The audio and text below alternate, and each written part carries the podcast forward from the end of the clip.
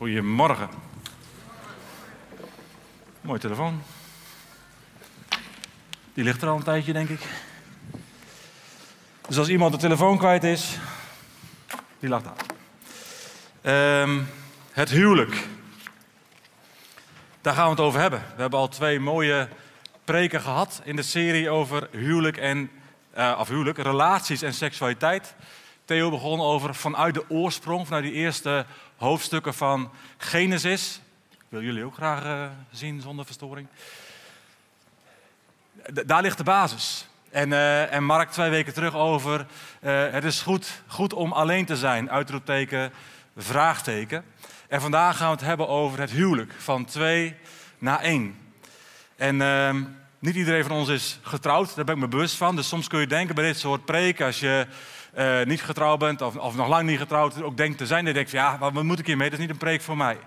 Nou, ik geloof oprecht dat er voor iedereen van ons uh, kostbare lessen te leren zijn uh, vanuit het onderwijs van vandaag. Ook al ben je niet getrouwd. Zelf sloot ik op 18 december 1998, dat is al een tijdje terug, een huwelijksverbond met Claudia, mijn vrouw, mijn echtgenote. En uh, dat is ruim 23 jaar. Ik besef dat dat langer is dan sommigen van ons hier leven. Um, dus ja, ik heb inmiddels enige ervaring met het huwelijk. En ja, het huwelijk is prachtig. Het huwelijk is kostbaar. Het huwelijk is rijk. Het is iets groots. Het is iets moois. Het is een, een geheimenis, zoals de Bijbel erover spreekt in Efeze 5. Het huwelijk, het is een geschenk van God. En nee, het gaat niet allemaal vanzelf. En dat is logisch. Dat is eigenlijk bijna vanzelfsprekend. Als je kijkt even alleen al naar Efeze 5, daar wordt het huwelijk tussen man en vrouw, eh, wordt het geplaatst, wordt het gesteld als een, een afspiegeling van de liefde van Jezus voor zijn gemeente, voor zijn bruid. En dat is zo'n bijzonder beeld, wat wij dus ook met onze huwelijken mogen weerspiegelen, dat het volstrekt logisch is dat de duisternis dat beeld wil vertroebelen. Dus de strijd die er soms kan zijn in en rond huwelijken, joh, onderschat niet dat dat ook heel vaak een geestelijke strijd is. Waar je ook met geestelijke ogen naar te kijken hebt. En een vers dat voor ons huwelijk enorm belangrijk is geweest, een grote rol heeft gespeeld, is een vers wat, Theo ook al in zijn eerste preek heeft aangehaald. Een vers dat al vanaf het begin van de schepping eigenlijk de blauwdruk is voor het huwelijk. Het is nog van voor de zondeval. Dus je zou kunnen zeggen, zo is het dus eigenlijk echt bedoeld. Het is Genesis 2, vers 24 en het is ook eigenlijk de enige tekst voor vandaag. Er staat daarom maakt een man maakt zich los van zijn vader en moeder.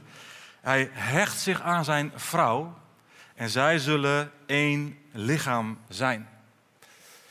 En ik durf vrij stevig te beweren dat dit het allerbelangrijkste vers is wat je in de Bijbel kunt vinden over het huwelijk. Het is de basis. En we hebben ons allemaal tot deze tekst te verhouden.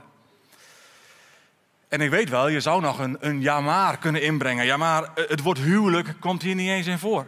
Hoezo gaat het over het huwelijk tussen man en vrouw? Ja, in zichzelf heb je daarin gelijk in. Maar het is altijd belangrijk om ook naar het geheel van de Bijbel te kijken. En wat zegt de Bijbel in zijn geheel erover? En dan is het heel goed en belangrijk om te beseffen: dit vers komt vier keer voor. Dit, precies dit vers komt vier keer voor in de Bijbel. Het is het vers dat zowel Paulus als Jezus zelf aanhalen om aspecten rondom het huwelijk te verduidelijken. Als ze dingen rondom het huwelijk bespreken. Paulus en Jezus zeggen in feite, joh, hier Genesis 2 vers 24, het blikt vooruit op de latere huwelijksrelatie. Daarom maakt een man zich los van zijn vader en moeder. En hij hecht zich aan zijn vrouw en zij zullen één lichaam zijn. En als je dat even heel rustig op je laat inwerken, dan zie je eigenlijk drie afzonderlijke stappen. Die mega belangrijk zijn om goed te doen. De eerste is losmaken. De tweede is hechten. En de derde is één lichaam worden. En er komen nog twee uh, specifieke preken over seksualiteit. Uh, Eén van lichaam worden, volgende week en ook in de volgende Kingdom Culture dienst. Dus ik focus me vandaag vooral op die eerste twee stappen. Losmaken en hechten. En dat begint met losmaken van je vader en je moeder. En dat is niet alleen maar fysiek, doordat je gewoon niet meer in hetzelfde huis woont als hun. Nee, losmaken betekent ook dat je je losmaakt, en dat is fundamenteel, van verkeerde patronen en gewoontes vanuit je gezin van herkomst. En als je zelf een nieuw gezin start, dat het nodig kan zijn om nieuwe gewoontes, om nieuwe patronen te ontwikkelen, zodat je daadwerkelijk zelfstandig wordt. En, en uit ons gezin van herkomst waar we vandaan komen, we nemen allemaal, eigenlijk zou ik kunnen zeggen, twee dingen mee. We nemen bagage mee en we nemen ballast mee.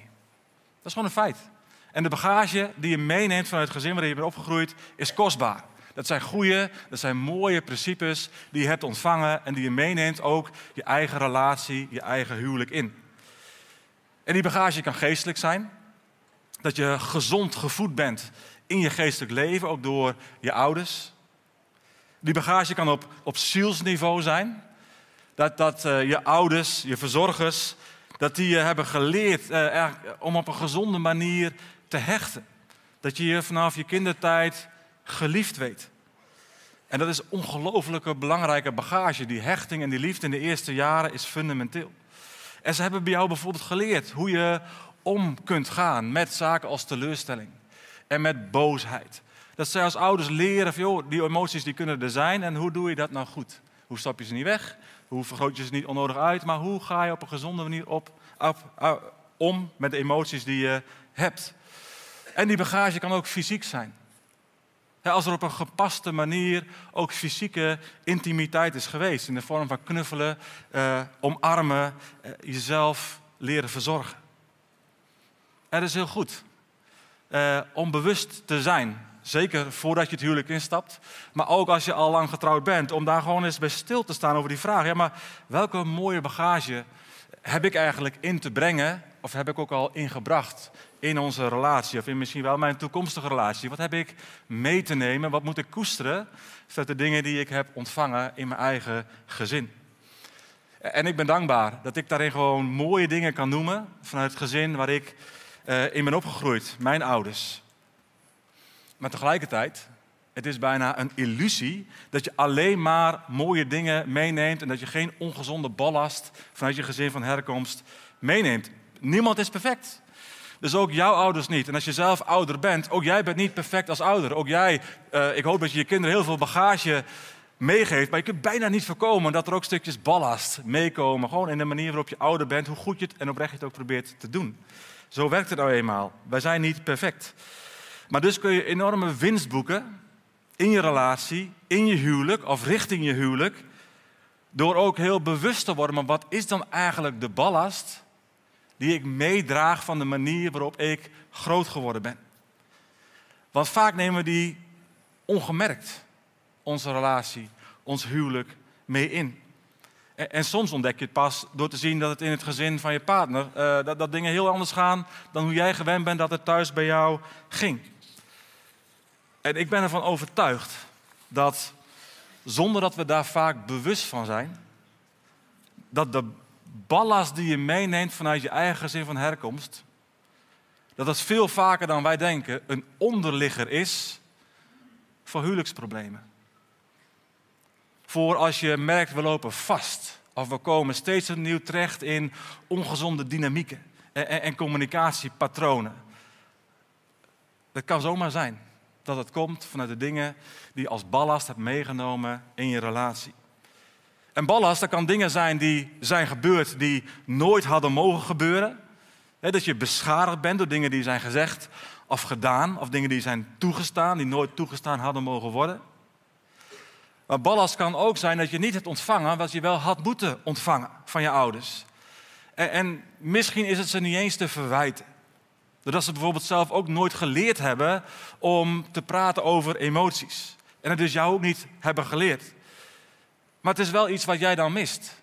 Het is wel eigenlijk een stukje onrecht in jouw leven. En ik ben daar de laatste tijd ook even bewust mee bezig. Dan zou je kunnen zeggen, ja, een beetje laat misschien. Dat kan.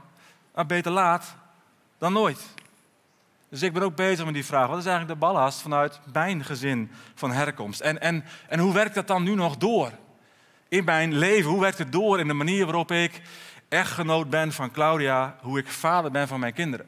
Ik heb gewoon mazzel. Ik ben getrouwd met Claudia. Ja, dus als er dan dingen niet goed zijn, ja, dan, dan zal dat waarschijnlijk wel gewoon bij mij liggen. want ik heb een fantastische vrouw getrouwd. Dus je zou die mazzel maar hebben. Dus ik moet er gewoon mee aan de slag. En we willen daar samen aan de slag, dat snap je ook wel. Maar het is goed om daar eens misschien wel voor het eerst van je leven over na te gaan denken. Welke dingen, welke patronen, welke manieren van reageren zijn eigenlijk in jouw ja, manier van zijn geslopen, die je hebt meegenomen vanuit, vanuit je gezin van herkomst, en waarvan je eigenlijk moet constateren, dat is niet gezond. Het is niet helpend in hoe we nu onze relatie, ons huwelijk bouwen en voeden. En ik zie daarnaast ook wel eens echtparen, dat vind ik echt wel meelijwekkend, waar de man is getrouwd met zijn vrouw en met zijn schoonmoeder. Of andersom. Een vrouw krijgt bij haar man, de schoonmoeder, er iets te nadrukkelijk bij. Dat je merkt, er is tussen moeder en dochter of tussen moeder en zoon een heel ongezond, close contact. Dat je bijvoorbeeld eerst dingen, belangrijke zaken over je relatie, over je huwelijk, over je kinderen, dat je het eerst gaat overleggen of bespreken met je moeder en daarna pas met je partner. Dat is echt de foute volgorde. Als dat speelt, ik kan eigenlijk maar één ding zeggen, joh, stop daarmee. Dat moet echt niet. Dat is echt heel erg ongezond. Het is een heilloze weg als dat een patroon is geworden in je leven. Dat betekent gewoon heel simpel, jij bent dus niet losgekomen. Die eerste stap heb je dus niet gedaan. Je kan zeggen, ja, maar ik woon in een ander huis. Je bent fysiek los. Nee, maar je bent dus emotioneel ongezond. Zit je nog vast aan je ouders. En snij dat op een liefdevolle manier. Je hoeft niet, niet de relatie te verbreken, maar snij dat door. Eerst komt je partner. En pas daarna, eventueel je ouders of je schoonouders. Die krijgen er ook maar gewoon bij. Hè? Dat is soms mazzel en soms wat minder. En dus, by the way, als je kinderen hebt, als je zelf kinderen hebt die getrouwd zijn of die gaan trouwen, ja, dan ook laat ze in de goede zin van het woord los. Laat ze los om hun eigen keuzes te maken. Om hun eigen ja, leven op te bouwen. Ook als je soms denkt van nou, zo zou ik het niet doen. Prima, hou je mond. Laat ze het zelf samen uitzoeken. Als ze soms komen een keer om raad te vragen, dan mag je best spreken. Ga geen ongevraagd advies geven, want het is nodig dat ze loskomen. Het is nodig dat ze soms vastlopen. Zodat ze daarin, als ze lerend willen zijn, de goede dingen samen leren en juist daardoor verder komen. Dus dat losmaken als eigenlijk eerste stap nog maar, eerste actie in dat krachtige vers van Genesis 2, is best wel een ding. Maar als je het goed doet, dan heb je daar zo onvoorstelbaar veel vreugde van. En dit zijn dingen, het kan best zijn dat je daar dus even wat hulp bij nodig hebt. Dat het ingewikkeld is om dat allemaal zelf maar te ontwarren. Uh, en daar zelf ook maar het goede gesprek over te voeren. Jo, soms is het goed, en dat kan ook op andere aspecten van je relatie of huwelijk zijn, om gewoon even iemand langs zij te laten komen. Wij doen dat nu ook. Wij uh, ergens dat een proces doen, uh, in het proces dat waarin Theo tot de, tot de keuze kwam dat het, uh, nou, en Gods overtuiging, nou, je kunt, kunt het hele verhaal kennen, uh, weten of nalezen. Joh, we gaan het voorgangerschap loslaten. en wij in dat proces natuurlijk mee bewogen. En uiteindelijk overtuiging ontstond bij ons en bij de mensen om ons heen. Ja, ik denk dat het goed is dat wij dan voorlopig alleen voorgangers echtpaar zijn. Ergens gaf dat even een trigger. Van, maar wacht even. En, en dat had eerder gekund, maar dat betekent wel dat ik, ik wil gezonder worden om daar die plek op een, op goede manier in te kunnen vullen. Alleen, in zekere zin. Ook al zijn we meervoudig in ons leiderschap. Ik wil gezonder worden. Wat zit er in mij wat nog gezonder kan worden? Maar ik wil ook dat we nog gezonder worden in ons huwelijk. En, en dan ga je wat zoeken, want ik, heb het dan, uh, ik ben wel een man die, die niet heel makkelijk om hulp vraagt. Dus ik heb dan iemand nodig waarvan denkt, ja, maar jij hebt recht van spreken. Jij bent iemand met autoriteit op een gezonde manier. En er kwam iemand op spoor en we zijn er naartoe gegaan en we hebben al het eerste gesprek. En weet je wat zo mooi is? Hij zei tegen ons: hey, ik zie nog heel veel onbenut potentieel in jullie huwelijk. toen had hij mij. Als iemand zegt van, nou, ik kan wel wat dingen aanwijzen die nog wel beter kunnen. Nou ja, daar doe ik niet zo goed op. Maar onbenut potentieel, dat betekent er zijn kansen. Het, het is, uh, we hebben in zichzelf een prima huwelijk, maar het kan nog veel mooier worden. En daar wil ik voor gaan. Daar wil ik me voor openstellen. Dat wil ik doen in mijn leven, in mijn ziel, wat daarin nodig is. Uh, om dat onbenutte potentieel ook te gaan benutten. Want ik geloof dat het tot zegen is van onszelf. Ik geloof dat het zegen is voor onze kinderen, voor de mensen waar je omgaan. Ik geloof zelfs dat het tot zegen is van de gemeente. Als wij gezonder worden in ons huwelijk dan dat we nu zijn. Onbenut potentieel. En weet je, ik durf rustig te zeggen dat elk huwelijk nog zijn eigen onbenut potentieel heeft. Dus als je hier zit met je partner toevallig, of als je thuis kijkt met je partner, stoot even aan en zeg even, ik denk dat er nog onbenut potentieel is. Doe maar even. Nou. En de mensen die denken, we zijn helemaal af en klaar, die hebben we graag dat even mailen, want die kunnen dus andere stellen gaan begeleiden. Zo simpel is het dan ook. Onbenut potentieel. Laat het niet liggen. En als het nodig is, vraag er gewoon even iemand bij om even mee te lopen, op te lopen. Ook hier in de gemeente zijn echtparen beschikbaar om gewoon een tijdje met je op te lopen. Om een aantal gesprekken gewoon samen te voeren. Niet per se omdat het diepe crisis is, want dan denk je van hé, hey, ik heb de indruk dat het nog mooier kan worden dan het nu al is. Ga daarvoor. Dus loslaten is de eerste stap. En idealiter doe je dat natuurlijk heel bewust voordat je gaat trouwen. Maar dat kan ook prima als je uiteindelijk dat nog later doet terwijl je al getrouwd bent en er dan bewust van wordt. En loslaten van je ouders, een zijstapje daarvan, daar ga ik niet verder op in. Maar wat natuurlijk ook belangrijk is, is dat je eventueel, als dat nodig is, losmaakt nog uit eerdere relaties die je hebt gehad. Waarin je misschien wel beschadigd bent geraakt. Als jij beschadigd bent geraakt in een vorige relatie en je lost dat niet op, je zoekt niet naar daarin eh, de weg van heelheid en je neemt dat mee, het is een illusie om te denken, oh maar het gaat misschien wel vanzelf goed in de volgende relatie. Je hebt daarmee te dealen. Ga dat aan. Neem geen ballast mee uit vorige relaties in je nieuwe relatie of je huwelijk. Nou, daarom maakt een man zich los van zijn vader en moeder. Zo'n fundamentele eerste stap. En hij hecht zich aan zijn vrouw en zij zullen één lichaam zijn. Dus de tweede stap is hechten. Letterlijk vertaald aanhangen, aan, aankleven. Hechten. Het is een, een uitdrukking van, van, van algehele, maar ook blijvende eenheid die man en vrouw samen gaan vormen. En als ik denk aan een algemene en een blijvende eenheid, dan doet mij dat denken aan dat sterke Bijbelse woord verbond. Hechten, het uitzicht optimaal in een huwelijksverbond. Los van het feit dat het geheel van de Bijbel sowieso duidelijk spreekt over het huwelijk als ideale relatievorm, is een verbond ook zoveel meer dan een contract. En ik hoop dat je dat begrijpt. En daarom, ik vind samenwonen vooral ook zo jammer. Het gaat er mij niet eens om of het zonde is of niet. En als je denkt, nou, maar dat wil ik wel weten. Ik geloof, het antwoord wat mij betreft is ja. Samenwonen is zonde, want je mist je doel. Als het gaat om je relatie. Maar je doet jezelf ook zoveel tekort als je gaat samenwonen. Of dat nou uit praktische reden is of principiële redenen, waarvan je er eenvoudig niet over hebt nagedacht. Laat me dan in ieder geval één ding zeggen. God heeft een veel beter plan. En dat plan, dat heet huwelijk. Want bij een huwelijksverbond is er een belofte. Uitgesproken ten overstaan van God en je getuigen. En dat is een verbond waar God zelf ook zo graag zijn zegen aan verbindt. En dus ja, hebben we het al heel vaak over een drievoudig snoer, wat niet gemakkelijk verbroken kan worden. Man en vrouw in eenheid met God. En daarnaast kun je spreken over een ander soort eenheid. De eenheid binnen je huwelijk. Als twee één worden, dan ga je hechten aan elkaar. En omdat we allemaal bestaan uit een geest, een ziel en een lichaam, kun je dus ook eenheid worden. En een eenheid worden naar geest, naar ziel en naar lichaam. En die eenheid is het sterkst als je die eenheid ook gaat ervaren en daaraan gaat bouwen op al die drie de gebieden. En, laat me even illustreren wat ik daarmee bedoel. Even kijken of ik al mijn kaartjes heb, want die vielen net eruit.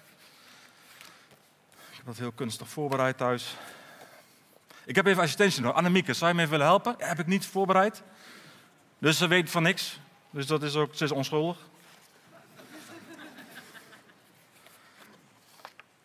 Kijk, je, je gaat trouwen, ja? Je hebt uh, geest, ziel, lichaam. Dat is zeg maar even de ene. Geest, ziel, lichaam. Dus je hebt geest, ziel, lichaam, geest, ziel, lichaam. En het idee is dat dat alle drie samengaat. Maar wat ik heel vaak zie, is dat we genoegen nemen met één. Of met twee vormen van eenheid. Maar joh, dat houdt eigenlijk bijna nooit stand. Stel dat je ervoor kiest om alleen maar het één lichaam te worden. Ik zou kunnen zeggen dat is een one-night stand. Uh, maar je dat, dat draait het eigenlijk alleen maar om seksualiteit. En dan word je van twee één. Annemiek, ik heb even een test. Is dit sterk? Als je gewoon met een normale kracht probeert deze door te scheuren, lukt dat dan? Hey, heb het gedonder al? Ja, dat is, dus, dat is niet sterk. Nee. Nou, we weten gewoon, er is genade. En we weten allemaal, we krijgen één keer een, een vernieuwd lichaam. Dus we doen nou net even of we nu een vernieuwd lichaam hebben. Dus we maken hem weer even compleet. We hebben weer geest, ziel en lichaam. En we hebben geest, ziel en een vernieuwd lichaam. Wees daar zuinig op, want zo werkt het in de praktijk niet. Ja? Geest, ziel, lichaam. Stel nou, dat je zegt van nou, het lukt wel je leert elkaar kennen en uh, je bent uh, nou, op geestelijk gebied eigenlijk geen eenheid. of op zielsgebied of op lichamelijk gebied. Je hebt twee van de drie. Dus dan heb je, ben je, je bent wel bijvoorbeeld in dit geval één van ziel en één van lichaam. Dan ben je misschien een iets sterkere eenheid, denk ik. Weet ik niet. Ja? Ja. ja. Het gaat moeilijker. Er is gewoon meer basis. En dat is in zichzelf mooi. Maar je ziet een beetje weerstand en het houdt geen stand. Er komen grote scheuren in. En dan gaan we nu natuurlijk even proberen of de magic daadwerkelijk happens. Als je geest, ziel en lichaam, als je daadwerkelijk een eenheid wordt op beide gebieden, hè, dan zijn je dus uh, in totaal met z'n zessen. Gezellig. Eh, normale krachten, want ik had uh, in de centrumlocatie iemand die ging heel hard scheuren en toen lukte het ook. Maar... Ja, ja nou genoeg. Ja. Nou, dit zegt alles. Nee, Zie je, dat is, dat is niet voorbereid, hè? Dus het is echt. Dus als je het niet gelooft, mag je na de dienst even komen proberen om te scheuren. Dankjewel, Annemieke. Het is even gewoon een symbool om, om zichtbaar te maken en tastbaar te maken. Het maakt dus alle verschil. In hoe sterk je relatie, je huwelijk is. Als het lukt op één van geest, één van ziel en één van lichaam bent en wordt. Ontbreekt er een van die elementen, dan ben je hartstikke kwetsbaar. Eén naar geest, naar ziel, naar lichaam. Dat is sterk, het is bijna niet kapot te krijgen.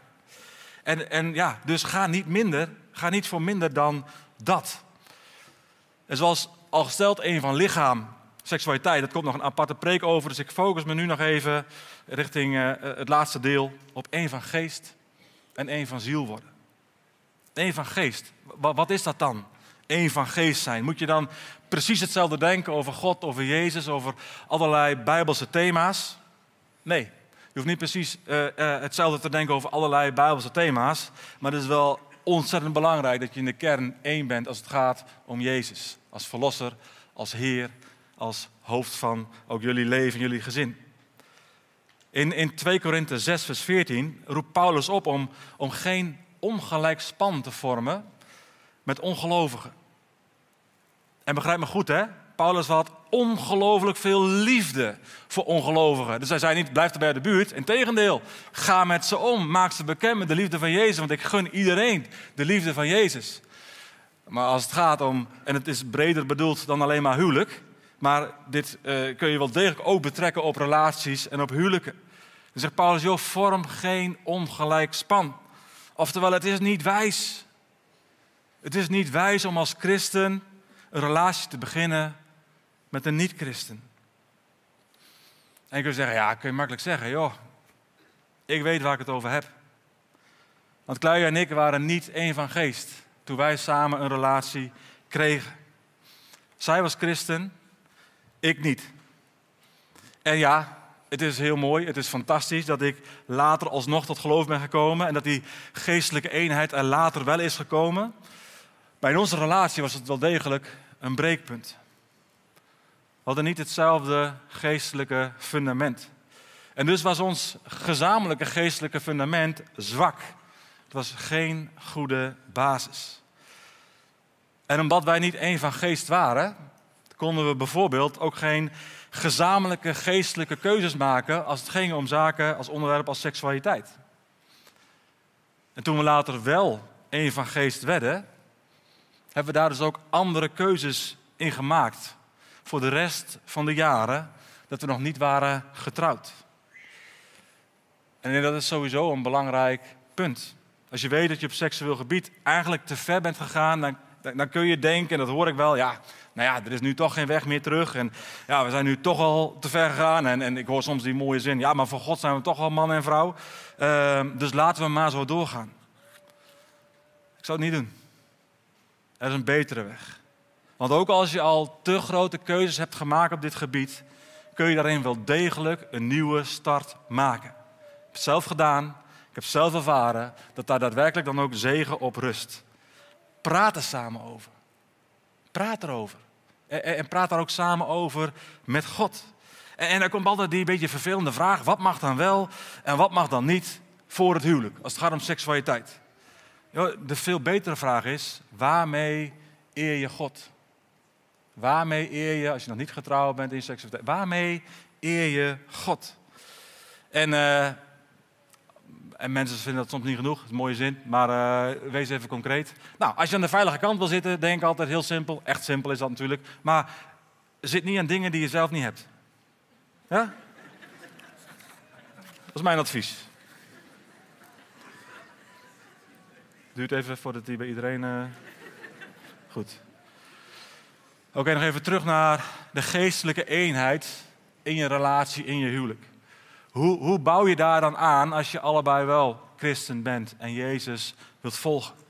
Het is en blijft belangrijk om allereerst, en dat is fundamenteel, dus let goed op, dus allereerst je eigen geestelijk leven blijft voeden. Het is ongezond als je gaat leunen op je partner, op zijn of haar geestelijk leven. Het is ongezond dat alleen maar samen een geestelijk leven hebt. Het is zo fundamenteel. Het is goed om alleen te zijn, om Mark daarin na te spreken. Om ook zelfstandig je persoonlijke relatie met Jezus te blijven voeden. Maar het is ook wezenlijk om te bouwen aan een gezamenlijk geestelijk leven. En een paar simpele principes. Ik bedoel, Kluij en ik, wij gaan niet slapen zonder dat wij samen hardop in gebed de dag hebben afgesloten. Dat we, dat we danken. Dat we uh, onszelf en onze kinderen reinigen ook van ongerechtigheid en duisternis waarmee we aanraakt zijn geweest door het bloed van Jezus. Dat we bidden. Dat we bidden voor vrede, ook voor de nacht, voor herstel, voor bescherming. Al dat soort zaken. Zo belangrijk. Wij hebben geleerd om altijd samen ook de leiding van God te zoeken in gebed. Als het gaat om de wat grotere keuzes in ons leven. Wij maken geen keuzes. Totdat wij gezamenlijke geestelijke overtuiging hebben. En erin hebben, ja, we geloven dat dit goed is, dat dit van God is. Dan kunnen we bewegen. En in het begin van de preek heb ik al aangegeven dat de strijd om het huwelijk ook heel vaak een geestelijke strijd is. En die is alleen maar geestelijk te winnen. Door te bidden. We hebben wel eens zoveel duisternis in onze slaapkamer midden in de nacht ervaren dat het alleen maar wegging toen wij gingen zingen. Dan kun je soms ook bidden, we gingen zingen. We gingen de naam van Jezus groot maken en toen kwam daar Gods vrede. En moest de duisternis uiteindelijk wel degelijk wijken. Het is geesten, dus je moet samen ook strijden in gebed, samen zingen. Als het nodig is, soms samen vasten. Samen als echtpaar avondmaal vieren. Wel eens gedaan? Ik raad het je van harte aan. Om samen, juist ook als man en vrouw, die eenheid te vieren die je hebt in Jezus. En tegelijkertijd is het ook goed om elkaar te stimuleren, elkaar de ruimte te geven om naar plekken te gaan waarvan je weet, jongen, daar word jij geestelijk opgebouwd. Dat ik als partner zeg, Claudia, ga daar vooral heen. Ik maak het mogelijk. Ik ben thuis, ik regel het met de kinderen als dat nodig is. Maar ga daarheen. Ik weet dat het een plek is waar jij gevoed wordt, waar jij kunt groeien. Ik maak het mogelijk.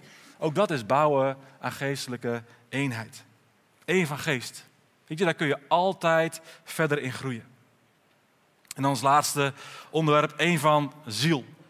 De ziel, daaronder verstaan we ons verstand, onze wil en ons gevoel.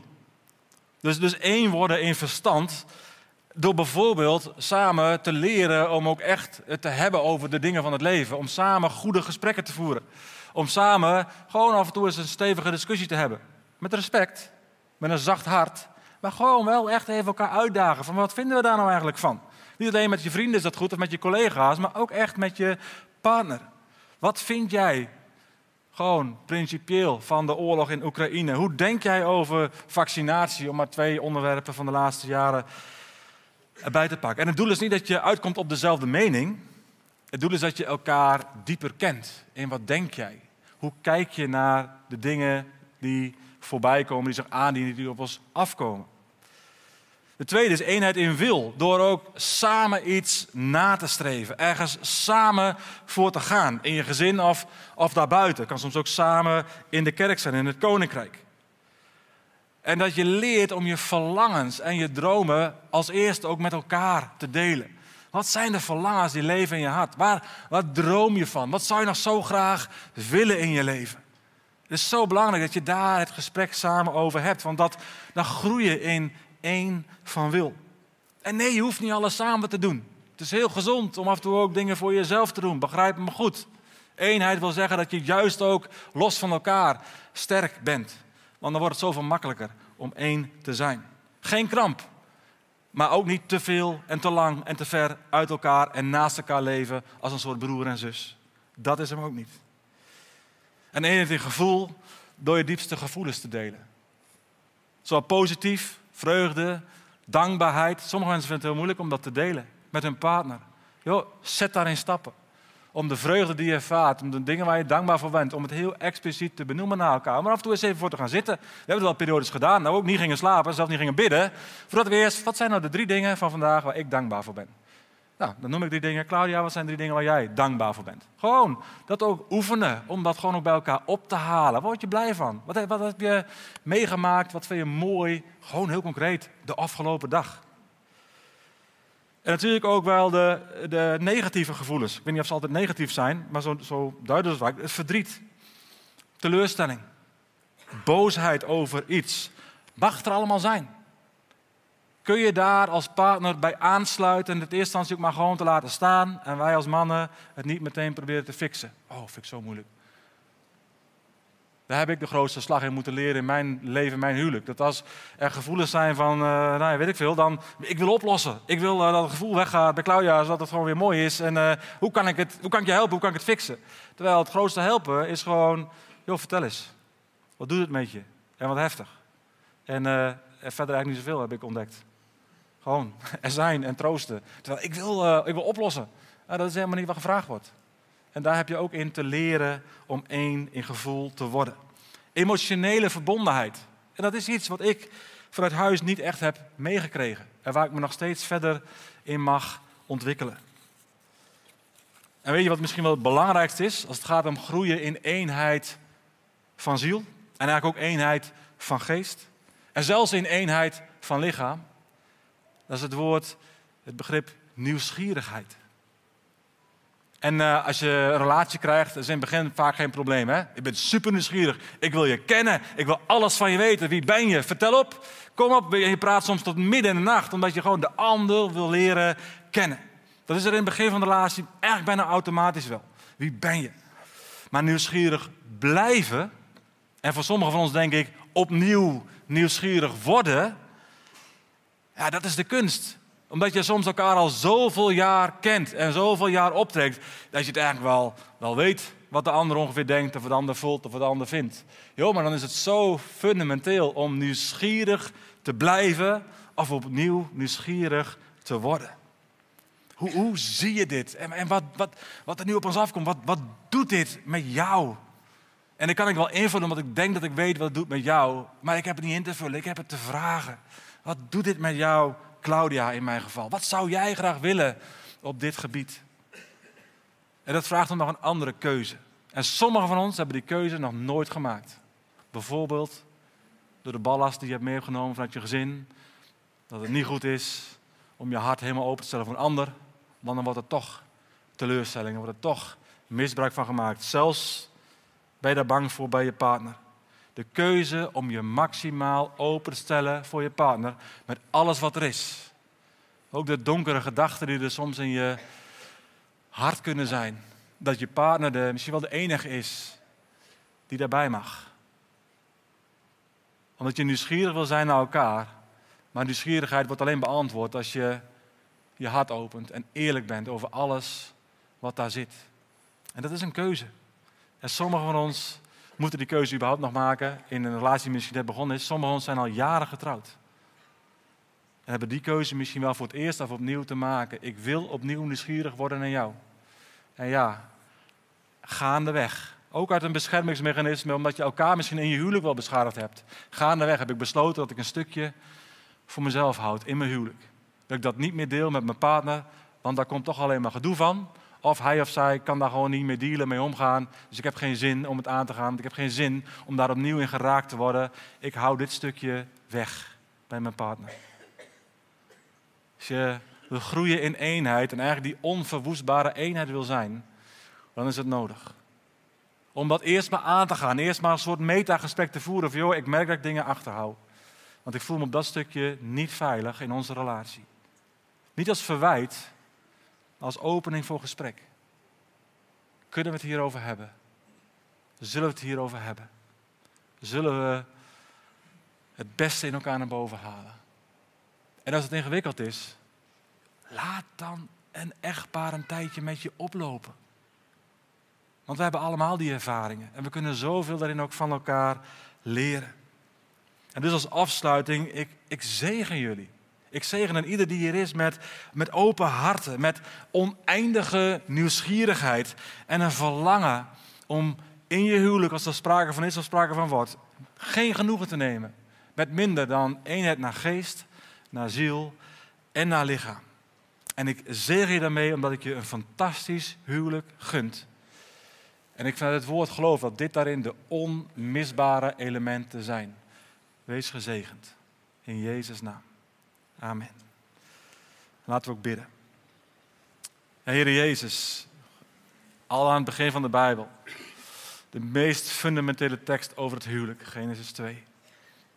Die u zelf, Heer Jezus, die Paulus aanhalen om, om steeds opnieuw terug te keren naar de oorsprong, naar zo is het bedoeld. En daar hebben we ons toe te verhouden, ook al leven we niet meer in Genesis 2, maar leven we na Genesis 3. Heer Jezus, u verlangt ernaar dat onze huwelijken groeien en bloeien, in het bijzonder onze christelijke huwelijken, omdat ze daarmee ook iets van dat geheimenis tonen, zichtbaar maken van uw liefde voor de gemeente.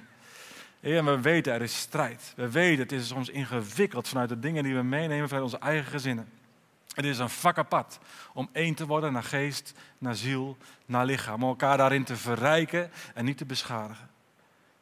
En Heer, ik bid dat u ook daarin dingen openbaart, ook op dit moment door uw geest. We misschien dingen al hebben geaccepteerd dat het nou eenmaal is zoals het is. Dat u het blootlegt. We dingen hebben weggestopt of genegeerd, wat we er eigenlijk niet aan willen. Heilige Geest wilt u openbaring geven. Aan ieder van ons. Heer, wat hebben we te koesteren? Waarin hebben we ons lekker verder in te verdiepen en te bouwen? Waarin hebben we nieuwsgieriger te worden? Waarin hebben we opener te worden? Waar moeten we ons bewust van worden, Heer? Als het gaat om de bagage en de ballast die we inbrengen. Jezus, ik bid ook om heelheid in onze huwelijken.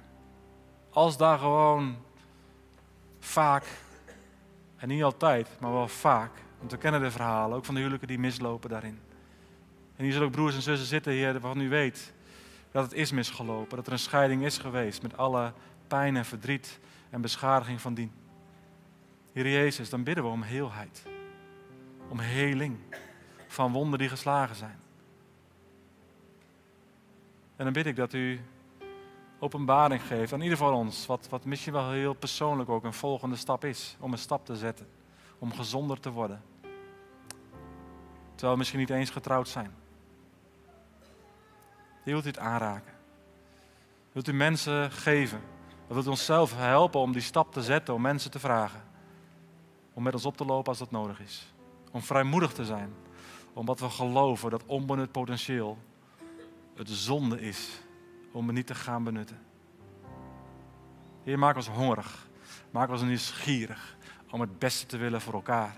En daarmee ook voor u en voor uw gemeente. In Jezus' naam. Amen.